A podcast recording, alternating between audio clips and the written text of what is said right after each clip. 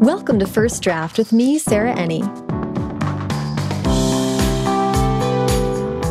This week, I'm talking to Rebecca Serle, television writer, producer, and New York Times bestselling author of six books, including When You Were Mine, The Edge of Falling, The Dinner List, and her newest, In Five Years, out now.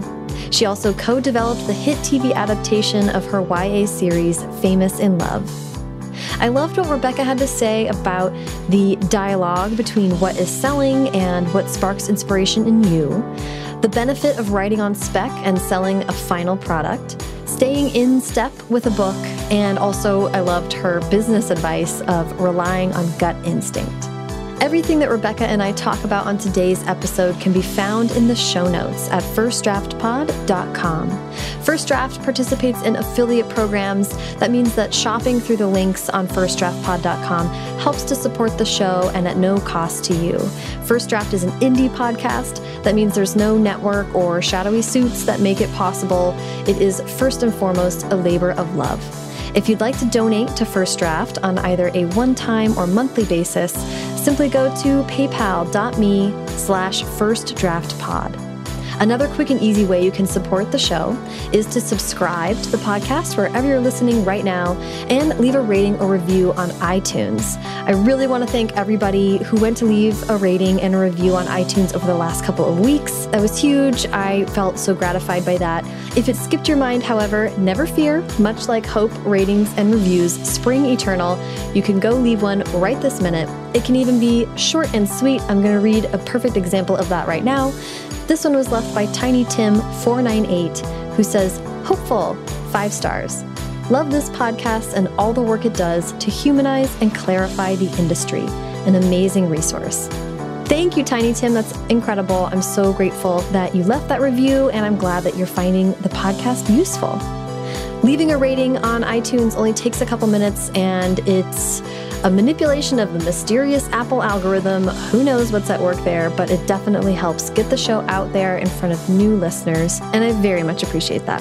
Finally, if you have any writing or creativity questions that you'd like me and a guest to answer in an upcoming mailbag episode, please, please call and leave that question at First Draft's voicemail at 818 533 1998. I love hearing your voices and I really want to know what's going on with the listeners. Okay, now please sit back, relax, and enjoy my conversation with Rebecca Serle. Okay. Hi, Rebecca. How are you? Hi, I'm so good. I'm so happy to be here. How are you? I'm so good. I'm so excited you could come over. I'm really excited to ask you a ton of questions um, about all your work. Please, please. But before we go there, I want to know about you. So I'd love to hear where you were born and raised. I love that. Yeah. I was born in Philadelphia which is where my mom's from. My dad was a lifelong New Yorker, and we lived on the East Coast for the first 10 years of my life in Philadelphia and then Massachusetts. But we started spending about two months out of the year in Hawaii. Really? Because my dad had quintuple bypass surgery, open heart surgery when I was two and a half, and sold his business and kind of revolutionized his life in order wow. to maintain his health. So we started spending periods of the year in Hawaii and I think finally I when I was about 10 or 11 somewhere somewhere like in beginning middle school my parents just said why do we keep going back to the East Coast we don't even like it there we should just live here full time and they moved us and that's where I grew up and went to middle school and high school where um, where in the islands were Maui. you? Okay. Maui. Got it. So right now it's really great because I can return there for quote unquote family vacation, but it's Hawaii. So yeah. it's fantastic. But yes, I, I, grew up in Hawaii. That's so interesting. Mm -hmm. And wow, you've had a whole range of American experiences then in I all have. the cities you've lived in. I feel like I've been so right. So I I spent like my early years on the East Coast, then went to Hawaii, then I went to college here in LA at USC, and then I went to graduate school in New York. And I was in New York for 12 years. I just moved here full time four months ago. Yeah. Which don't worry, we're gonna get to yes. that for sure. I'm so yes. interested. So uh, I want to know about reading and writing when you were a kid were you really involved in reading? Was that like a big thing for you? Yes. I actually I went to a school called Waldorf School and the learning philosophy is very much that children come to different concepts and different markers of education in their own time. So mm-hmm. they don't push reading or mathematics necessarily onto the child. It's more about the child's curiosity towards it. So mm-hmm. I didn't really read until I was in like the second grade. Really? And I, my mom says my dad was saying we like we have to pull her out we have to put her in like a proper like this is crazy she's mm-hmm. not reading. And of course cut to like it worked out pretty okay. Yeah. So when i was very young my father did a lot of reading to me and he is a reader has always been a reader loves books probably reads about two books a week. Wow. So he really introduced me to my love of reading and i fell in love with books early really with him and then subsequently on my own. And very quickly after I sort of figured out what a book was and how to read it, I, I wanted to not necessarily make books, but I knew that I wanted to write. Oh, interesting. Okay. Yes. So those two kind of the the passion arrived like together. Yes, very, very, very early. Okay, very, very early for me. I mean, I remember entering writing competitions when I was in elementary school. Okay, it, I was really young, and I, I'm always very fascinated and curious about writers who come to it later and who have had different careers there are plenty of people who publish later, but they always sort of consider themselves writers. Mm-hmm. I'm very interested in people who don't consider themselves writers and never really had a tremendous amount of interest in it and come to it later because to me, it's so fundamental to the soul of who I am. It really is the essence of me that I really feel like I was like it's how I was born, yeah. and even if I were pursuing other careers, it would still it's it's how I identify myself, and it was how I identified myself far before I was ever published. Yeah, yeah, I know. It's really interesting. But I'm glad that you felt like empowered too, like recognizing that you were reading a book and you're like, I want to be a part of this. I didn't know that it was a possibility to do it as a job. Mm -hmm. That came much later. Okay. So I didn't know that I could make money doing it. I didn't know I could make it my life, but I knew I wanted to write stories mm-hmm. and I mm-hmm. wanted people to read them. Okay. And I I wasn't completely sure on I didn't I mean I moved to New York and I didn't really know what an agent was. Mm, mm-hmm. I was very unclear about I, I, feel like even in college I was it was very insulated. Mm-hmm. I was mm-hmm. a creative writing and English major okay. at USC and you know, I love to write. I was in like their advanced fiction workshop there. And I remember my mentor at the time, Marianne Wiggins, who's a phenomenal novelist. She taught the advanced fiction writing workshop. And i i think i was applying to graduate school where i inevitably ended up going to the new school in new york. And i remember her saying what about no more school? What about just doing it I remember thinking, what does that what does that mean? She was like, it mm. means publishing. And no one had ever made clear to me, because I think in college, so much of being an English major was about studying books of the past. There was mm-hmm. really at that time, at that time, I mean, oh my God, that's old. but it was, it was like 13 years ago. There wasn't a tremendous amount of emphasis on publishing mm-hmm. and how that works and what it looks like. And it was a lot about just literature and books and appreciation of others. Right. So it didn't occur to me until much later that I could publish books myself. I could I could be a published author. Right, or that that's where this like passion was going to take you. Yes. That's okay, but it's really interesting that you went to undergrad and were writing the whole time, whole but time. weren't like what were you thinking was going to happen? I thought I would move to New York. I would get my masters and I would start I ended up uh, working part-time at Penguin. Oh, mm-hmm. and then I also was at a literary agency mm-hmm. reading the slush pile, and, and and I ended up being an assistant there.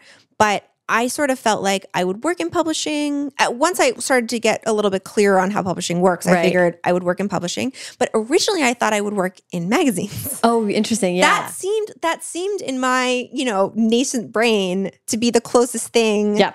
to writing I could I could get to because publishing books seemed insane. Yeah. I didn't know who did that, but it wasn't me. It yeah. wasn't it wasn't an option. So I thought, well, magazines. And of course, I mean, at this point I think it's harder to work in magazines than Way it is to get a harder. book published. Yeah. I did the same thing though. I was uh I went and did journalism as a major yeah, because I was like, oh well that's feasible. That's fe- it felt tangible in a way like, oh, you do this and then you do this. Yeah. So that's more where my head was at. Yeah. Okay, that makes sense. Mm -hmm. That's so interesting. So, so, but you always knew you were go heading to New York. Yes, always. That's so always. That was the one thing I was very clear on is that New York was where I was meant to be. Okay. I had fallen in love with the city really, really young. I remember when we used to drive from Massachusetts to Philadelphia to visit our extended family. Once we moved to Massachusetts, we would stop through New York and we would sometimes spend a night there, or sometimes see a matinee, and I, it was the highlight of my year. I loved it. And then, of course, like I knew I wanted to apply to graduate school. And it was a little bit of a like a collapsing of circumstance that the yeah. new school and NYU and Columbia were all in New York and it was where I wanted to be. And I was also very much in love with somebody who li- already lived there. So oh, that helps. Yes. Um, I'd love to hear about the new school. And I, I, just, I read an interview with you where you said um, that your advice to young writers is to immerse yourself in the industry that you want to be in. And it seems like that was a big part of New York in general, not only just like going to new school and learning about it, but then working at a publisher and an agency.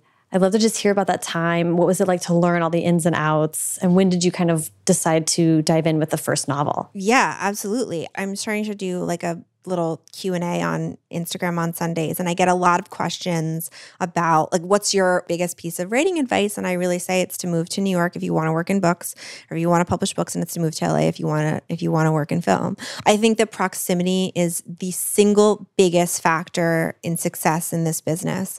And so uh, yeah, I mean I I think that the reason I'm published is far more I know the reason I'm published is far more because I was working at a literary agency and I was working at Penguin than it was because I went to the new school. And that's not a knock on graduate writing programs and and perhaps there is more emphasis on publishing now than there was back then but i just think having those contexts getting inside and seeing how the business works and what pieces are there when i had a manuscript that i was ready to submit i knew my agent, my my first agent, I knew who she was. Mm-hmm. She worked at the agency where I w- where I interned, and I was able to email her and say, "Will you read this?" Mm-hmm. So I really think that proximity is paramount if you can like get get in that city. Yeah. Yeah, it's it's tough, right? But it is like publishing's full of people, just mm -hmm. like the entertainment industry here is just full of people that you meet through happenstance or Absolutely. make friends of friends and you just are part of a network. That's not a bad word. That's just like no, it's just, yes, absolutely. It, it's just what it is. We live in a physical reality that moves in large part because of social interaction. Yeah. So, up through undergrad and new school, it seems, were you pretty much only focusing on short stories? Yes. Okay. I wrote, well, in college, it was all short stories. And then in graduate school for the first half, and then somebody gave me the really, really great advice to use the second year of my graduate program and to have my thesis be a novel instead of a short story collection. Oh, interesting. And I was, I said, okay. So I wrote one and it's in a drawer and it will never, where like it will remain forever. It was called The Space Between. It should never see the light of day. But I was able to use that time to teach myself. And actually, Sigrid Nunez was my, uh, my, my thesis advisor. Whoa. And I was able to use the time to figure out how to write a book. Yeah. With help. With help. I would say it, it's tricky because I do think for a graduate program, it is oftentimes more productive to submit short stories because it's easier for peer critique. Mm-hmm. When you have a novel, it's harder. You're trying to get large sections. You can't read it all at one time. So, eh, so I, I think it's a little bit of a double-edged sword. I was very glad that most of the things I submitted to class were short stories. I think it really improved my craft that way. Mm. But I also think that getting to use the time wisely is key. And I think learning how to write a write a not like sort of trying trying to teach myself with, yeah. in a supportive environment how to do that was was beneficial. Yeah, I think that's pretty good advice.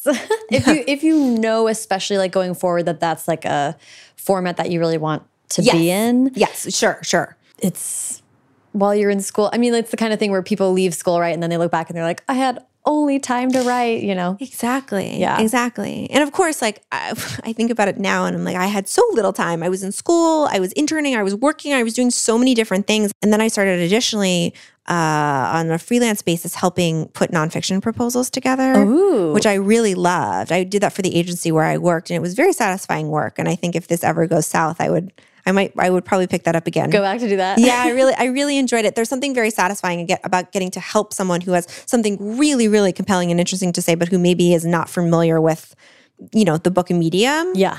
There's really something very exciting about getting to help them. Yeah. Like usher that into the world. So I really enjoyed that. But anyway, the point is I was doing so many things now I think about my life is actually probably more relaxed than it was back then. That's but so funny. I love I that. I do think with writing it's true. Like give a busy person something to do and it'll get done. and it'll get done. Yeah, Yeah. hundred percent. Yeah. Um.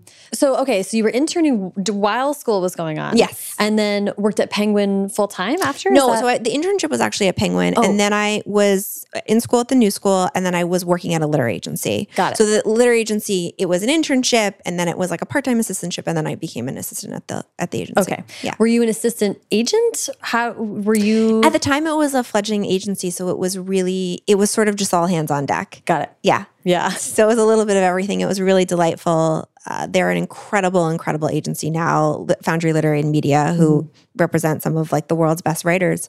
But yeah, it was kind of their first intern, so it was fun. I got to I got to do a lot of different things and work for a lot of different agents and kind of pitch hit where, wherever was needed. Yeah, that's those. Uh, it's almost like a startup environment Yeah. where oh, you're like, 100%. 100% was a startup environment. I mean, really, it was a construction site the first year.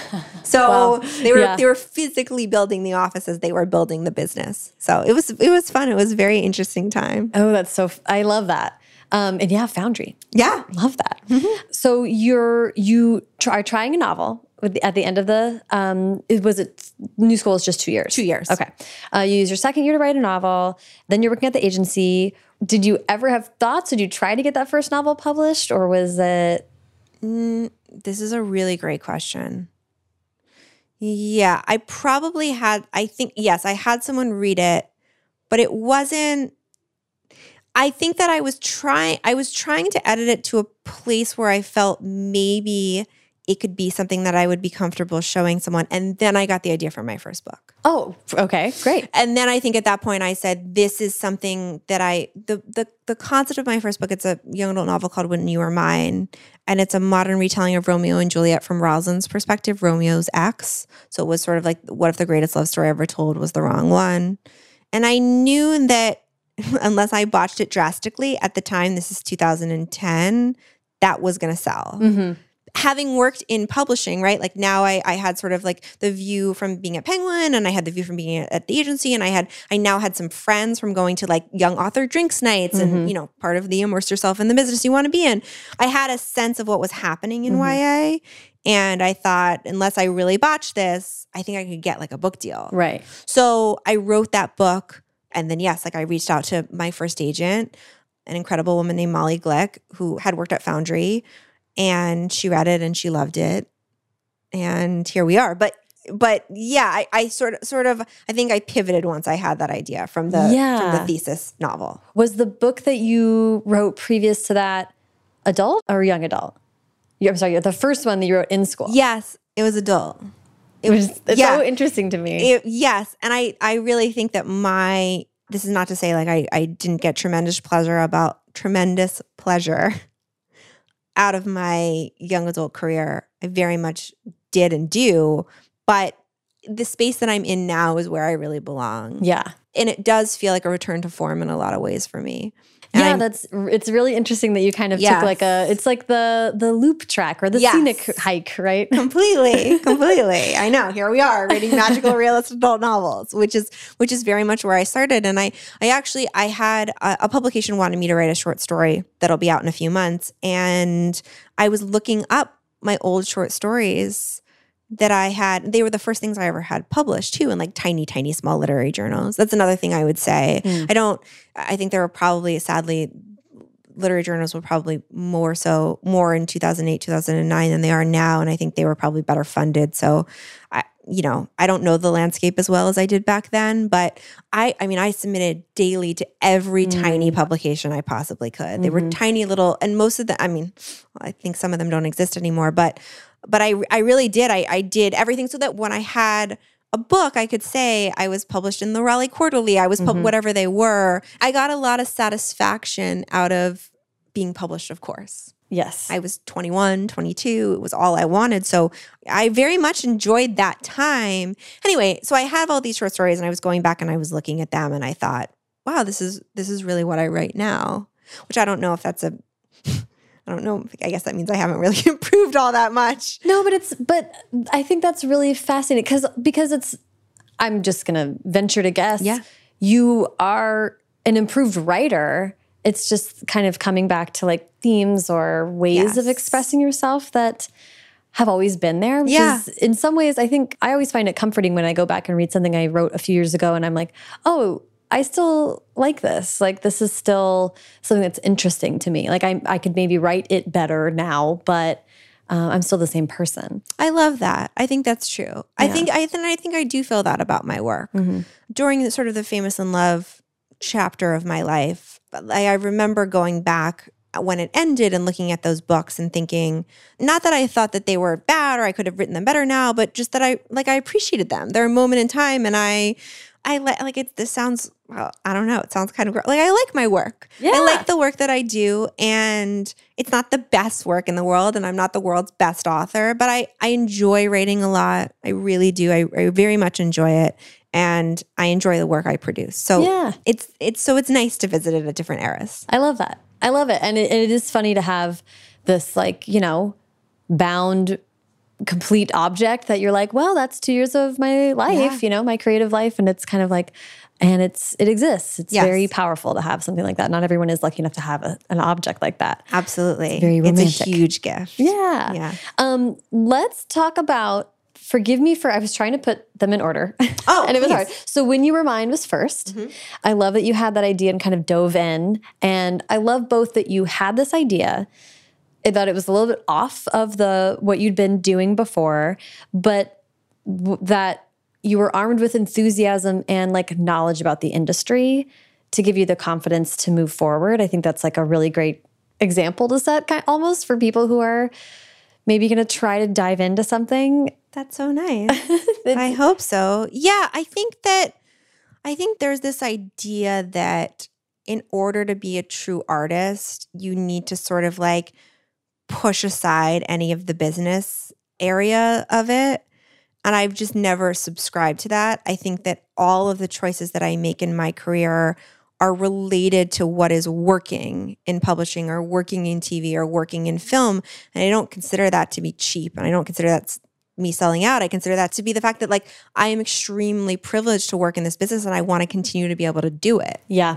So I'm a huge advocate for picking your head up from your page and your laptop or your journal and paying attention to what you see happening around you. Mm -hmm.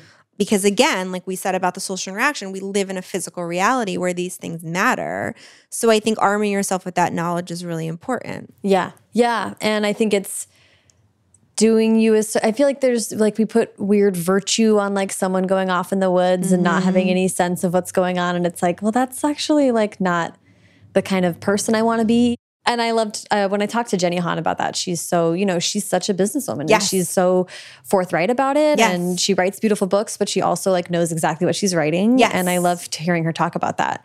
Um, and I think it's something we can all kind of be honest about. Yeah. I think what I really want to impart is that you don't have to sacrifice. I've never sat down to write a book that I didn't want to write right. because I thought it would sell right. ever. There's always an energy and a love there. I, I came up with the idea for When You Were Mine and I was thrilled. I thought, oh my God, this I want to write this story. This is like a great love story and I want to tell it. And also I think this is a time in which this would sell. Yeah. So I want to be clear. I, I'm not advocating for putting your creative ambitions aside in favor of what you think will work because one thing that really will not work is just chase, chasing the trend. Yes. It's a dialogue between those things. It's paying attention, it's seeing where the energy is, seeing what's working, seeing what's moving, and then seeing what's lighting you up too. Because unless something is really sparking in you, it's not going to spark in anybody else. Yes. Yeah. And and you know, if you're feeling jazzed and interested by an idea, like odds are a lot of people are yes. going to, but it's yes. just like worth cross referencing and seeing, like, also, are there already five books Correct. out about that or whatever? Correct. So, you know, it just doesn't hurt. yes,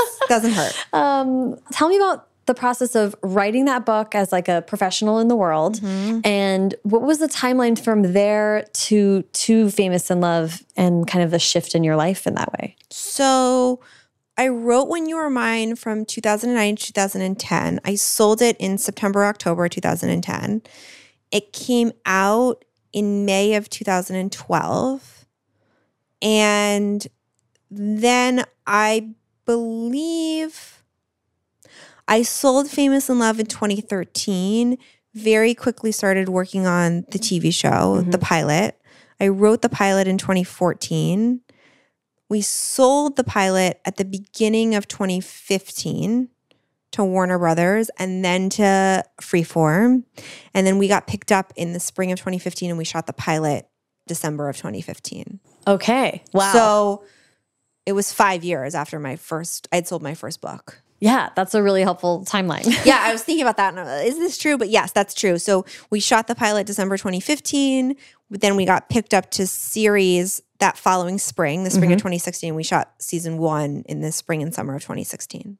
What I love about that is that it sounds long, but you, mm-hmm. I know it was so short like that. Yeah, that's pretty really, quick. It was. Oh gosh, that show came together really fast, but it felt like an eternity.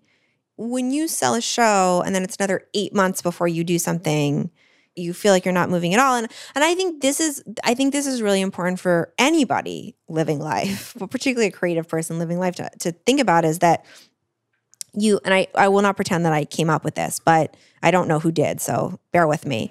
if you look back o- over like the course of one year, you may feel like you don't really accomplish anything. If you look back over the course of 5 years, you will be shocked and awed by what you accomplish. And same thing go- works going forward, right? If you think about what you can get done in one year, it's a little bit and think about what you will accomplish in 5 years, it's a tremendous amount. And I always try to keep that in mind when I think about my career and all the things I still want to do that it takes time. Yeah. It takes time, but but every day is time that's going by, so you might as well begin. Yes. Because time's going to pass anyway. Oof, I love that. I love that a lot. Yes. I my friend Lauren Oliver says that a lot. Like, time's going to pass anyway. And it's really true. Time's going to pass anyway. I have a, um, from a zine, I forget where I got this zine, but it was is beautiful artwork.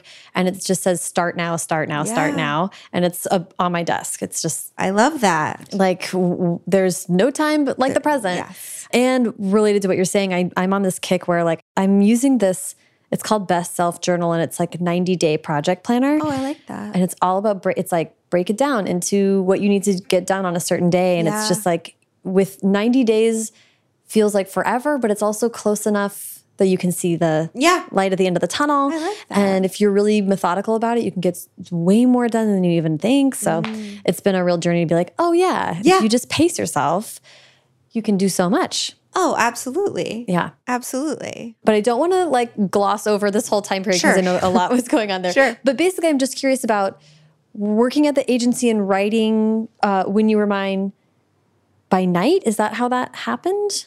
Or. Yeah, probably. I think it was in the mornings. It was and somewhere along it's so funny you look back and you're like what was the time like what yeah, happened? what was i doing? Um but yes i think it was a lot of mornings and it was a lot of nights. And i think at some point there i began to take on a more freelance role in the agency. Got it. it. was less like it was less full-time. It was a, it was still like a little bit in the office but it was less. And i was i was moving more into doing working on those nonfiction proposals which i continued on to do a little bit after i sold my first book when i sold when you were mine.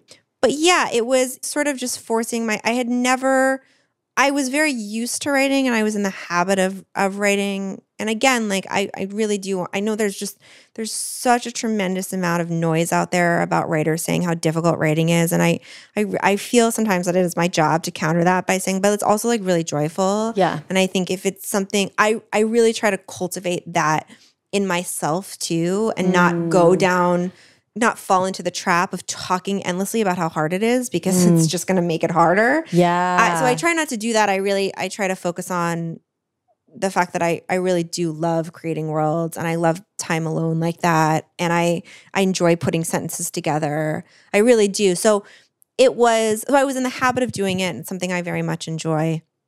But yeah, it was it was happening a little bit in the in the shadows. In the margins? Yeah. Uh, yeah. Famous in love i want to approach it because it's such an interesting like whirlwind mm -hmm. it seems like or that's what it seemed like from the outside. When you got that idea did it feel different from other ideas that you'd had before? Um Yes, but only insofar as how I know that I have something that's worth writing is that it feels to me like, why has no one ever written this before? It's so obvious. Mm, mm-hmm. So I had that feeling on When You Were Mine tremendously. Mm. How has nobody ever written a, a story from Rosalind's point of view, a modern retelling of this? It's so obvious. And I had that when I thought of Famous in Love. How has mm. no one mm. done this before? It's really obvious. And I also felt I felt when I was writing it that it would make a very interesting television show. Yeah. But do you actually let's pause yes. and, and and talk about the origin of the story because that will help people listening who might not be familiar with Famous in Love. Of course.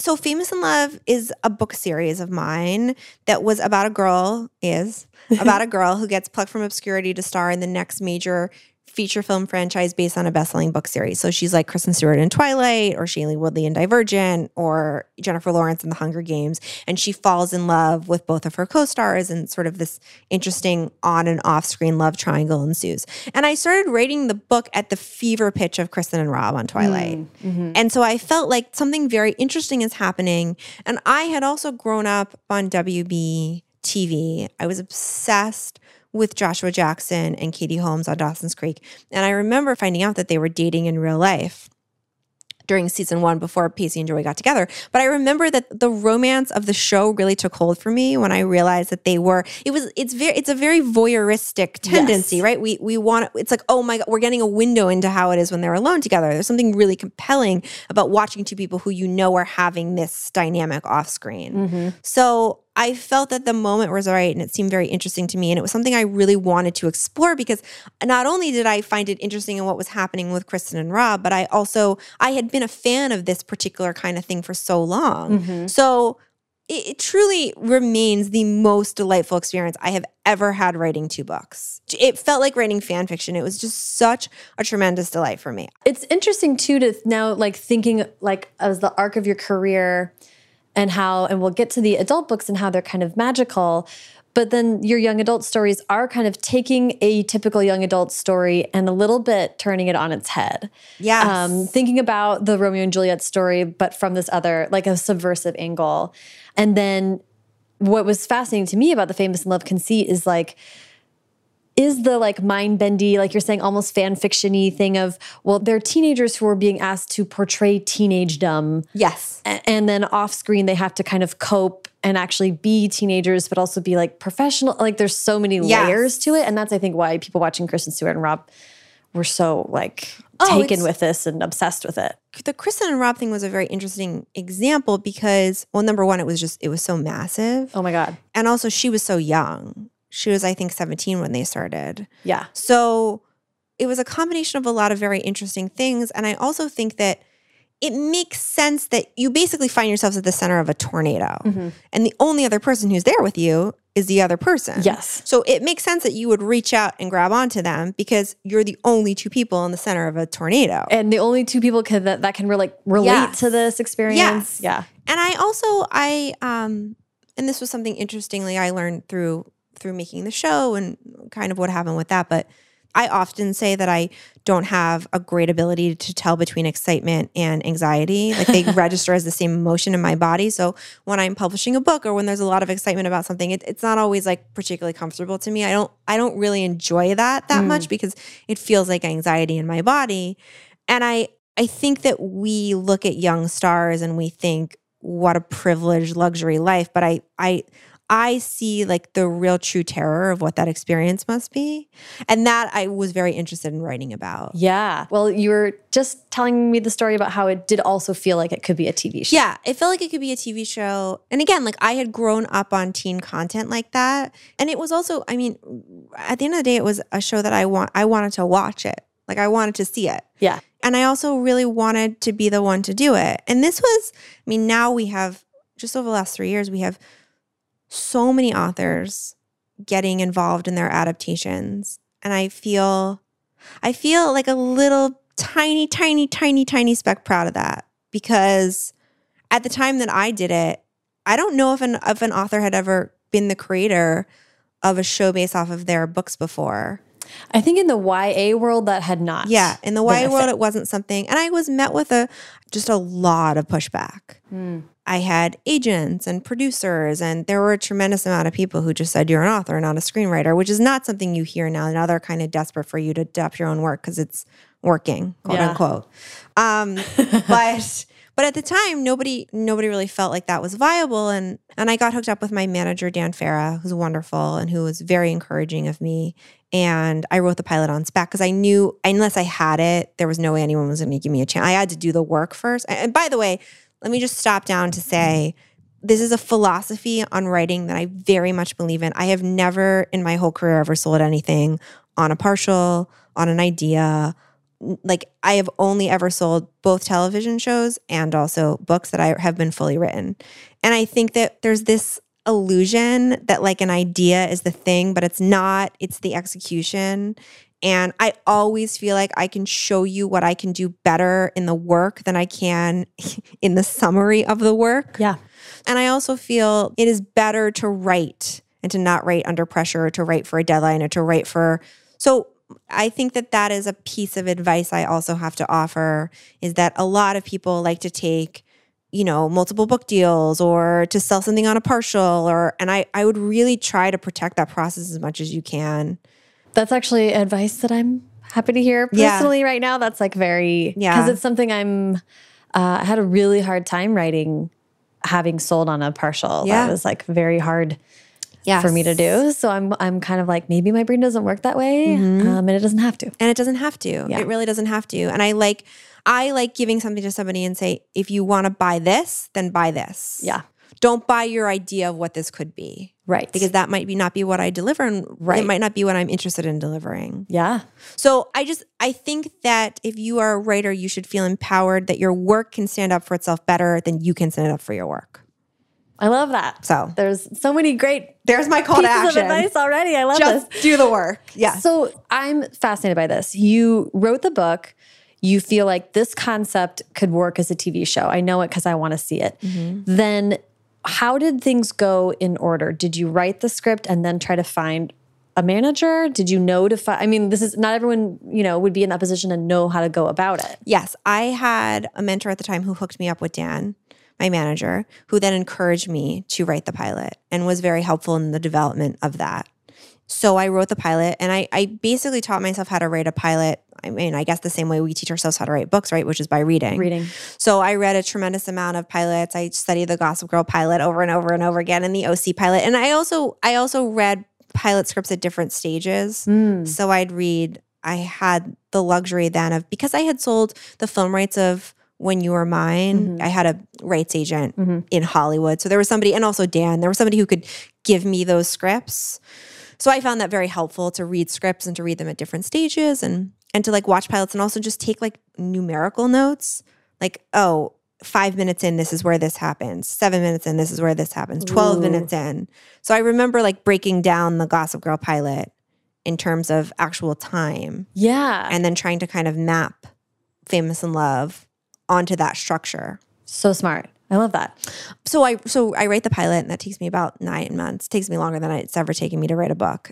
And then we brought it to my agent at WME, David Stone, and we knew we were going to have to and he loved it we knew we were going to have to bring we were there was going to have to be like a bigger producer mm -hmm. on board because i had never worked in i mean i'd never worked in tv before let alone created a show and then we brought it to a few different producers. Marlene King, who created Pretty Little Liars, really loved it. And she came on, and then we sold it to Warner Brothers. Amazing. Yeah. It's never taking you longer than nine months to write a book?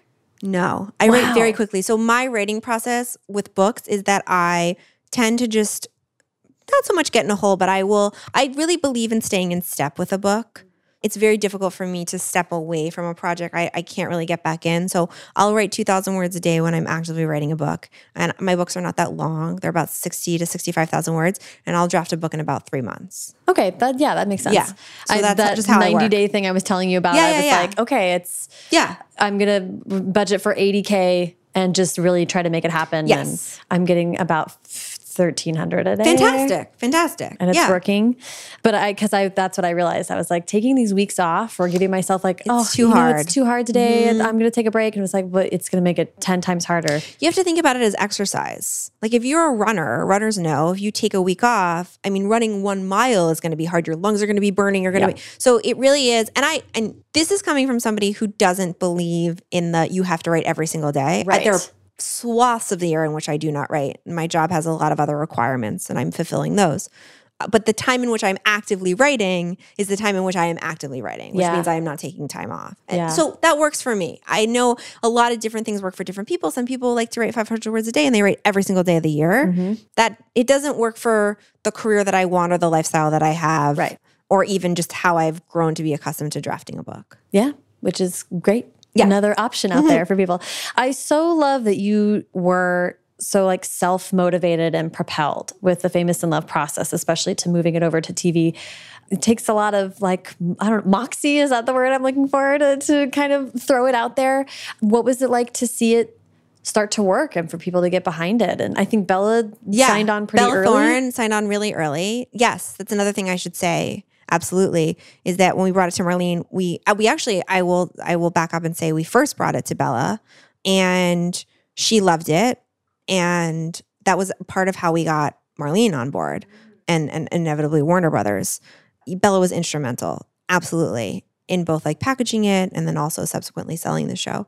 It was exciting. The pilot of Famous in Love getting picked up, I think, is the most profoundly exciting professional moment I have ever, probably will ever had in my career. Not because I won't accomplish other things, but because the first time is is the biggest time. After that, even when we got picked up to series, meaning the show would be on the air, it was infinitely less exciting because I knew the parameters of what I was working with and I knew how challenging it was. And at that point, it was very challenging and it wasn't pure mm, in yeah. the same way. Yeah. When that pilot got picked up and I knew we were actually going to shoot something, I mean, it was it was cloud nine. I was so thrilled. That's amazing. And I think it's important to have those moments because the road is challenging. Yeah. The road is very challenging. Even when you have success, the road is challenging. I would argue sometimes when you have success, it's even challenge. It gets even more challenging. Yeah, it turns out successful people don't get less busy or no or burdened, and life gets more complicated. Yeah. The other thing that's interesting to me is you knew proceeding with wanting to write this TV show would mean not only um, every almost everything with TV happens out here, especially like a writer's room would be in LA, probably, and not New York.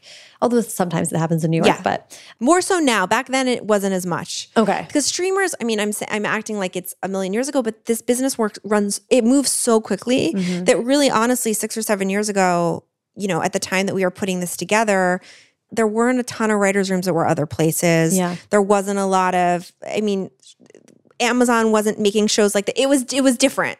So yes, it was a very LA run. It, it was and obviously still is predominantly, of course, an LA run yeah. business. And and you knew and you knew that you wanted to be a part of the writing process. You were a creator. I think you did. You always know you wanted to co-executive produce as well. I don't think I had a clue.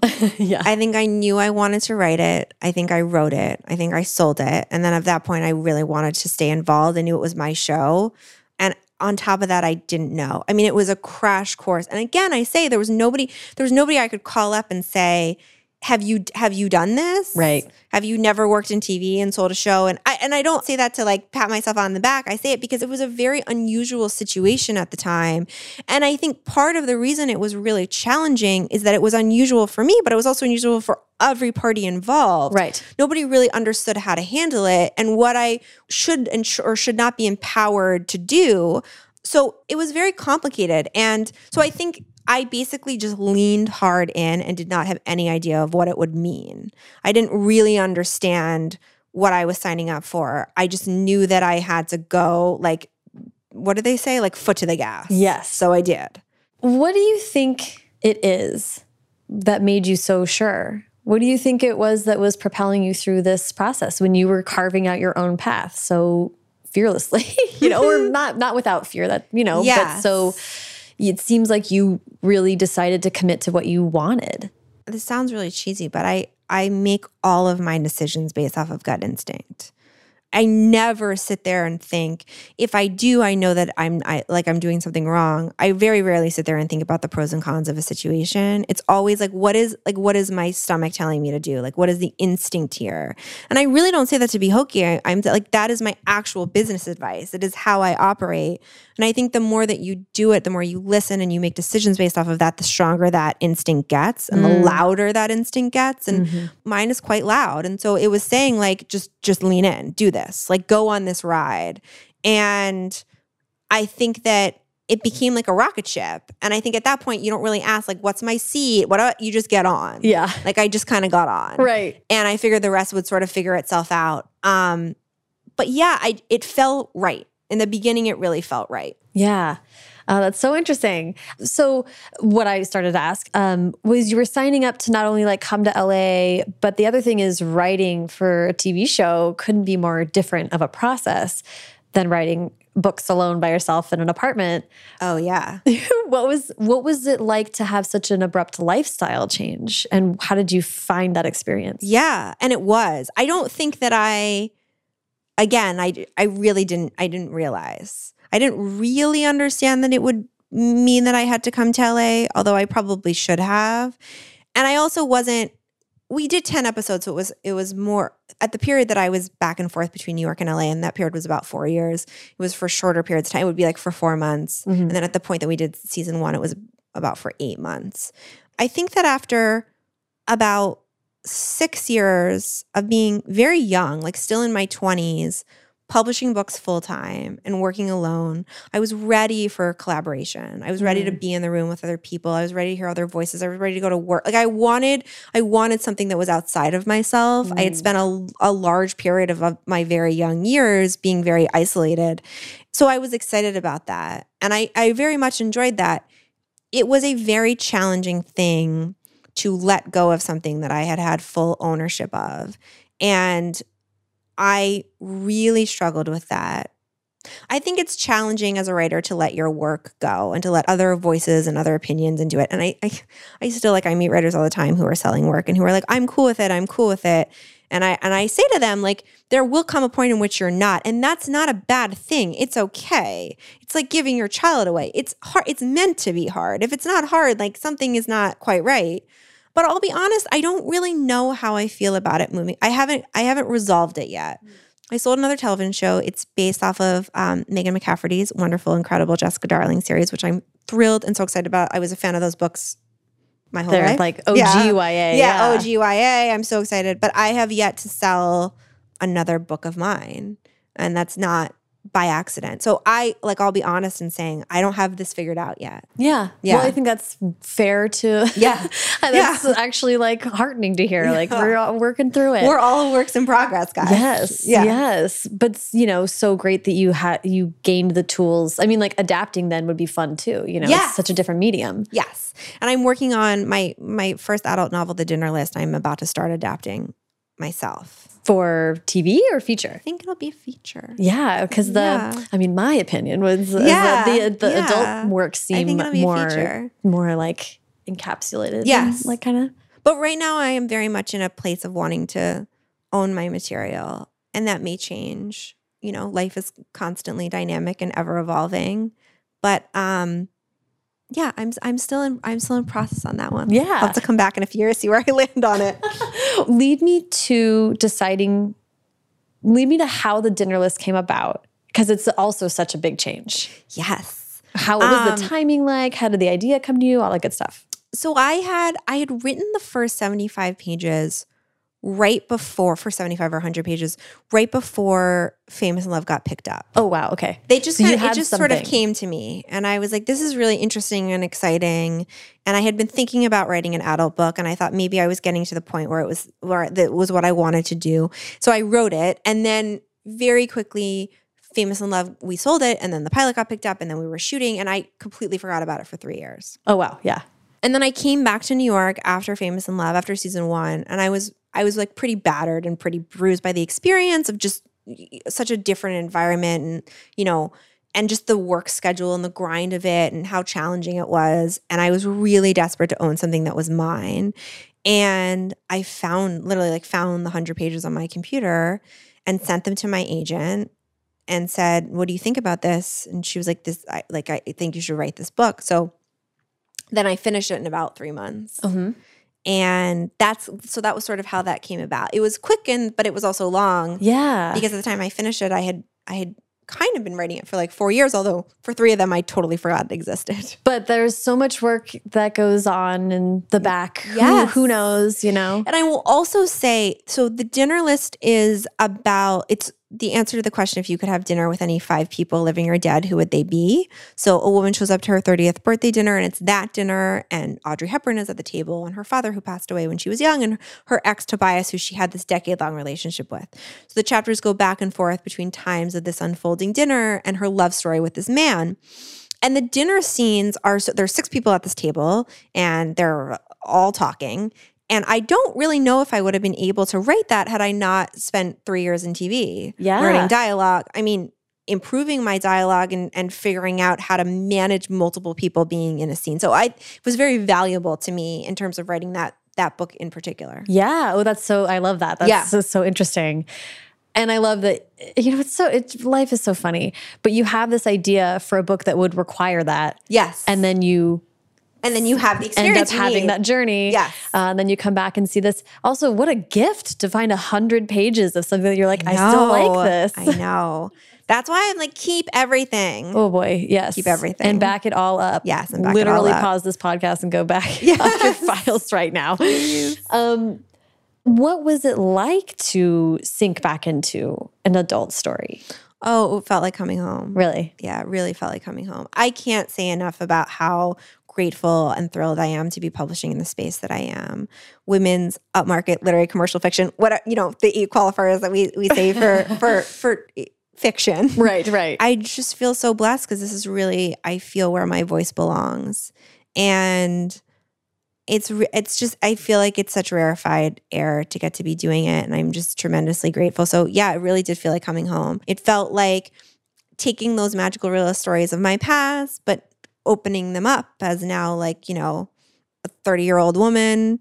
And it was just very very pleasurable. It was really really nice to come back and it was also really nice to just come back to the page. I had missed it. Yeah, yeah. Oh, it's it is nice to control your little Yeah. universe. very nice. Um, it is another concept that is kind of like, oh, I can't believe this hasn't been done before. yeah yes exactly. I felt that particularly this is strange. No one's done it but i will. So brilliant. Such a great hook too just like an obvious like point of interest. And so interesting to see like what this who this character would have chosen and all that stuff. It's been really fun too. We did, you know, just in the publication of the book, getting to hear people's dinner lists and who, and it it was really nice. So the other thing I should say is that the time in between when I wrote the first hundred pages and when I came back to it and, and doing the show, my grandmother passed away, who I was really close with, and I, the, the concept sort of changed from being something that was like kitschy, like oh, you could meet, you know, Audrey Hepburn or like a Barack Obama, to being very personal. Like, what wouldn't people give to have one last dinner with the people that they've lost? And you know, when I've been on tour for the book and done events for the book, it's been really special to see to hear people's lists and to see how personal it is. Like I'd want I you know, I'd want my mom there because she never got to meet my daughter or Right. my father who didn't get to meet my husband. Like it it's just it's been very familial and really nice and Yeah. that's been like a very unexpected pleasure of publishing this book. right like the kind of answers that it like it, it can be a glib Yeah. cocktail conversation Completely. or it can be like no really really deep. yeah, really deep. in my perspective was that the dinner list was like a big deal and it came out and people were talking about it. It was really it was one of those books that kind of was like out there and kind of everyone was reading it and your aunt was reading it and it was just like fun, you know? It felt like a very easy book to talk about and and that's a really different kind of publishing experience, especially in adult uh, Yes. fiction than it is in YA or or in many other ways. So what was that experience like? Very like even opposite of the TV show, you know, it's Yes. a whole other thing. Yeah, it was really nice. And I had um thank you.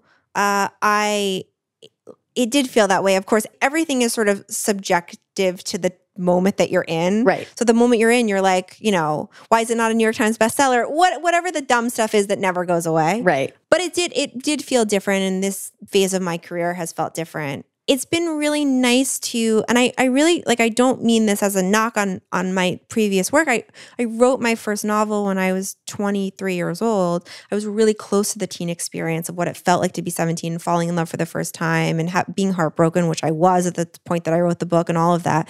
And then when I published the dinner list, I was 30, 31 and I was very in the space of feeling like I wanted to talk about what it feels like to be turning 30, to be entering a new decade in your life, to be unsure about your love life and the choices that you're making, to have your friends be making different ones, to be married or to be choosing to have children, and to be feeling like your roads were diverging in those ways. And so it was very exciting for me to get to speak about because it felt very it felt like a return it felt like how I felt about publishing when you were mine. I was so close to it. It was so personal. I loved talking about it because it was what I was personally wrestling with and Yeah. and getting to publish a dinner list felt that way to me. Like I want to talk about what it looks like to be looking for love in your 30s and to be not sure you're going to find it and all of those things that I feel like myself and my contemporaries are dealing with at this juncture in our lives. Yeah. So I want to talk about in five years and how you're simultaneously doing this other career and and moving and all that good stuff. But let's talk about in five years first yes. and get the uh, the origin story and, and, the pitch for that book. Sure. So in five years is um, similar to the dinner list, it's another sort of universal question. It's the answer to the question, where do you see yourself in five years? And it's about a young woman, Dannie Kohan, who's a corporate lawyer living in New York, who knows exactly what she wants for her life. And we meet her on the day of her like giant job interview, the place she's wanted to work forever. She nails the job interview. That night she gets engaged to her like finance boyfriend. Everything's on track. And she falls asleep on the couch that night and wakes up and lives exactly one hour from 1059 to 1159, five years in the future. And she wakes up in an apartment she's never been before with a man she's never met before. And then she wakes back up in her normal life and thinks that must have been some kind of crazy dream. And four and a half years go by, and then she meets the man who was in that hour with her. And the book sort of ravels her life together to bring her towards that that hour. It's a um, I'm very excited about this book. It's such a fun concept. Thank you. I'm really excited about this book. I'm excited to start to talk. Actually, this is the first time I'm I'm this is my first like piece of press at all. I love it. Discussing this. So this is really fun. I know at the time we're recording this, I haven't done anything. so I'm very excited to get to to discuss it. It's a book that I'm very proud of and that I'm very excited for people to read. Yeah. So how did this idea come to you? I really sort of believe that all writers are interested in exploring one or two themes over and over and over again. And the theme that I'm really interested in exploring is fate versus free will. How much is in our control and how much is going to happen regardless of what we do that's like the fundamental question of human existence that I am very interested in. Mm-hmm. So the dinner list was very much about the the fantasy of getting to go back in time and kind of relitigate the past. Mm. And in five years is definitely about the fantasy of getting to see what's coming and how we can see what's coming, but we can't really see what it will mean. I'm very interested also in the fact that scientists have I'm going to butcher this. But scientists have basically proven that the future influences the present. Like they've been able to see that like atoms communicate data backwards. So I have often felt like, what if the choices that we're making now are not bringing forth a future, but what if the choices we're making are informed by a future that already exists, that's requiring us to act the way we're acting to get there? There was also a psychic prophecy involved in my life personally. What? Yes. There were a lot of very interesting things that brought this concept about. It's something I really I really wanted to talk about for a long time but wasn't maybe didn't totally understand what I was trying to say. And and I'm I'm just I'm very excited for people to read it. Yeah.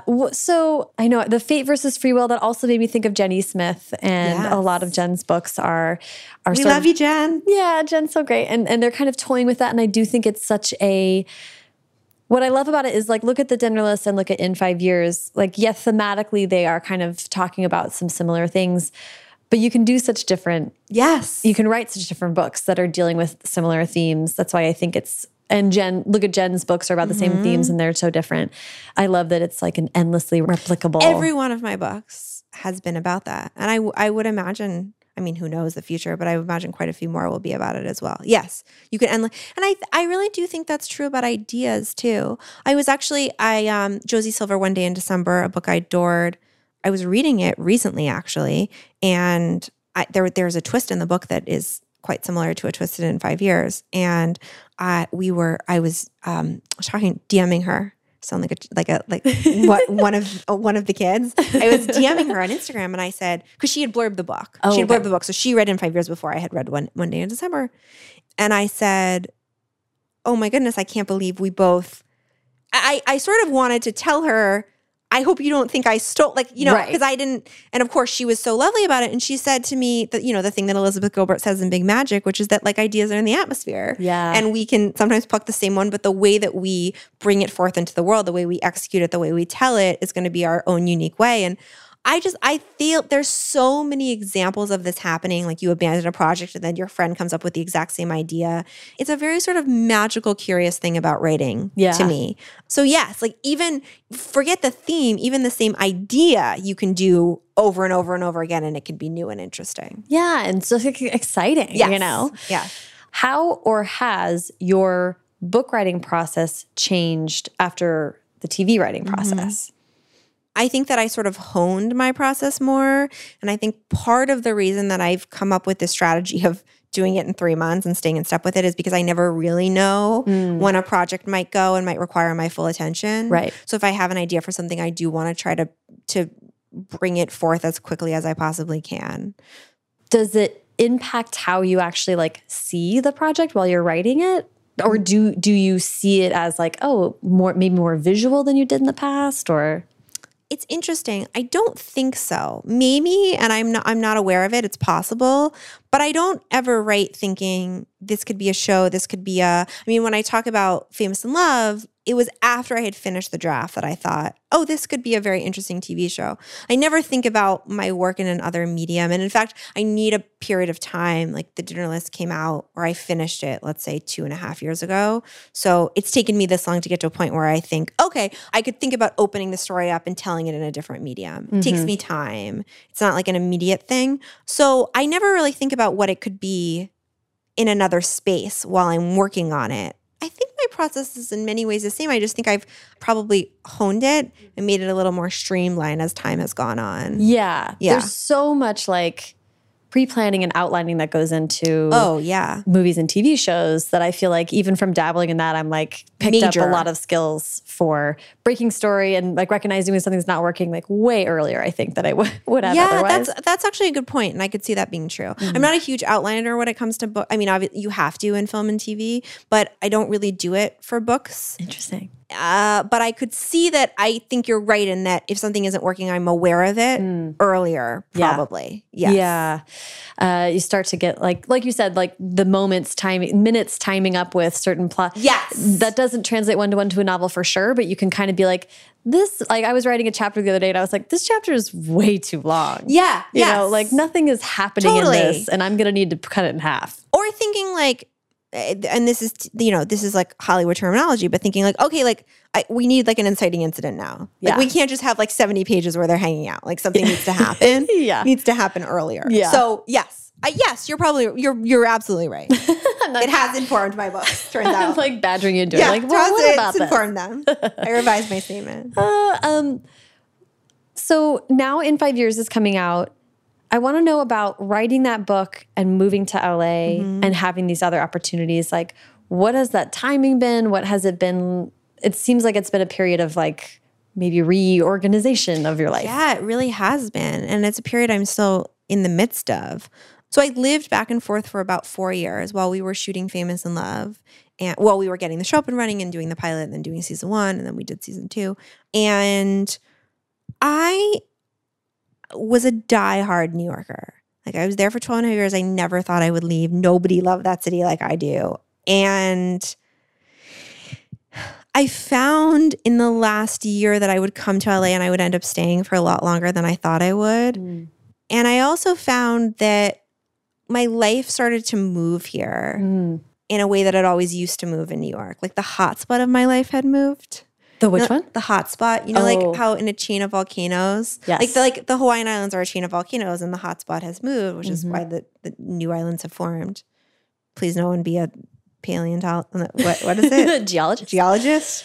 Um, but anyway, I felt I felt like the hotspot of my life had moved a little bit, and then I gave myself six months after that. In the span of six months, I had like an air conditioning like thing fall on me, and like got like an eye infection from like the drip of it, and then I got like punched in the street by a homeless man. And finally, I was like, it's time for me to get out of here. Like it's enough. I need to go. And it also became increasingly more difficult for me to ignore the fact that the quality of life in LA is really nice. Yeah, it's really nice. Yeah, like we're sitting in your beautiful living room you know, Hanging there's out. these lovely bay windows. Like it's really nice. So I I moved here four months ago. I actually okay. Here's what I will say about in five years though. I wrote it here at mm. the point in which I was still living in New York, but I was out here for work in the winter of or in the fall of last year. Mm. And I don't think I would have been able to move had I not written a book here because I think for a long time I wasn't sure will I be able to write in LA. I didn't know what that would look like. I didn't know if maybe my mojo just came from New York and it wouldn't exist here.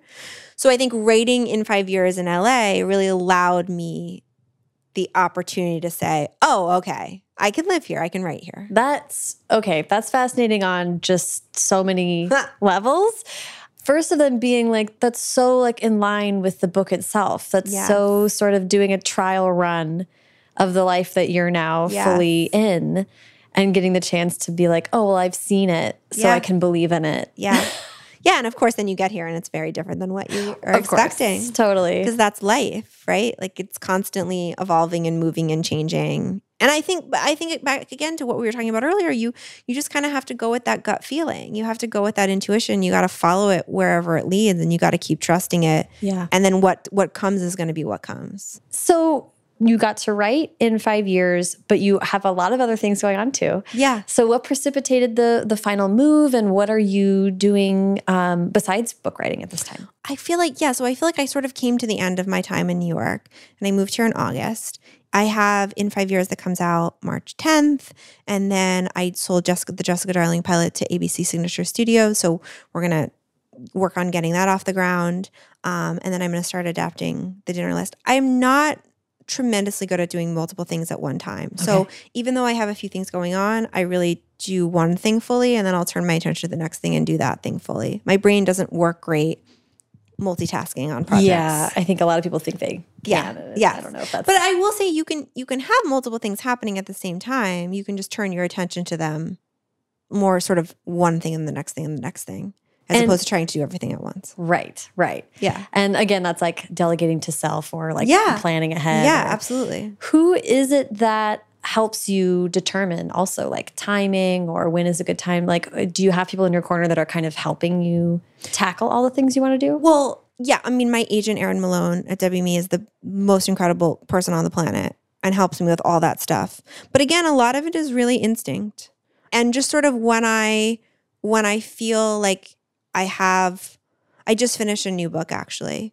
And I think a little bit of it was because I knew that in five years was going to be like quite a big bit of promotion work in the second half of the year, and I kind of wanted to have something done. Part of it was just also that this was a story I really wanted to tell. So it's a balance. Mm-hmm. She definitely helps with it, but I think a lot of the timing of what we do is is what feels right, and then also just when things fall into place, right? Particularly with less so with books, with TV stuff just takes a long time. Contracts and there are a lot of there's just so many more moving parts than there are in books. So you're a little bit more at the mercy of the timing of the studio gods. Right, right. Yeah. And I think uh, what a blessing for you to have something to turn to while that's Yes. All the I don't know what I. I say this a lot. I do not know what I would do as a television or film writer if I did not have books. I don't know. Like, I don't know. yeah. I really don't know. So you've given like awesome advice the whole time, but I guess I'd be interested in what you have to say, particularly maybe for someone who feels equally open to writing for TV and film and books. Like if you have any advice for someone coming up who could see themselves doing either thing, what would you suggest? Yeah.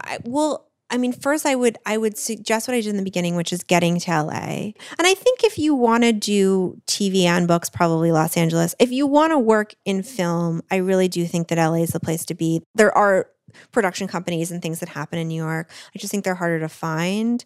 I really do think it's LA. There's so many people here who work in the business or work tangentially in the business. There's so many opportunities. I just feel like for social interaction in those spaces, I would really get here and then I would just do some research on what this like what this business is about and where you might think that you you fit in despite the fact that I took like a very unorthodox path into TV um, through books. I think there's a tremendous amount to be gained from like starting in a writer's room and starting at an assistant level and seeing how it works and working your way up. I know a lot of people who get like a who've gained a lot of fulfillment and a lot of like really incredible skill. I'll be very honest in saying like I'm not at a point where I can run a show. I just I haven't had enough even having my own show on the air. I simply don't have enough years. I don't have enough like technical skill under my belt. That's something you can really learn by working your way up in this business. It's very different than publishing in that there's so many technical, physical realities to production that I think you just you need to learn over a period of time, balancing budgets, all of that. Um, so I'm a real. I mean, I think if you if you want to work in television, I'm a real advocate for starting at that level and getting in and and and working your way up and just seeing what it's all about and where what piece of the puzzle you think you fit in because it might surprise you right? That's the thing about television. It's so open and it's so dynamic and there's so many different roles that you might be surprised at where you find is you you fit and what you find is interesting to you. I think a lot of creative people, or I've seen a lot of creative people end up realizing that a producer role is like yeah totally plays to their strengths, maybe even more than i see that happen a lot Yeah. honestly and vice versa. People who think that they want to work in film, it turns out, I mean, want to produce, it turns out they want to write. But I, but I actually do like. I personally know some writers who started producing and then felt like, oh, this is actually where my skill set lies. Yeah, putting all these pieces together. Which is hugely, I mean, like you're hugely saying, turning valuable. people's great ideas into a book proposal. Yeah. There's some element of that. Oh, absolutely. I think it's really satisfying and very interesting. So, yeah, I think those jobs allow you to see the spectrum of different, you know, of different careers and and see what you really jive with. Yeah. So I think for I think for screenwriting, I'm a I'm a very big advocate of that. I think for books, I think getting a peer group, getting people to read your work who you trust, mm-hmm. um, getting comfortable with feedback, honing your own instincts, watching the market, reading a tremendous amount, mm-hmm. reading as much as you can. And then I think when you feel you have something that you're ready to publish, you know, looking in the backs of books that you think are comps and seeing who represents them. Yeah. And then following their guidelines. Yeah. I really don't know how uh, how else people it's such a hack. Like if an agent is any good, they will be even if they're not, frankly, they will be thanked in the back of a book. Yeah. My agent da da da, thank you da da da. Yeah. And then you look them up and you see what their guidelines are and yeah. you say I loved this this work that you represented and and submit to them. Um, well, thank you for giving me so much time. Thank I you. really appreciate it. It's such a fun conversation. This is so much fun. Thanks for having me on. Yay!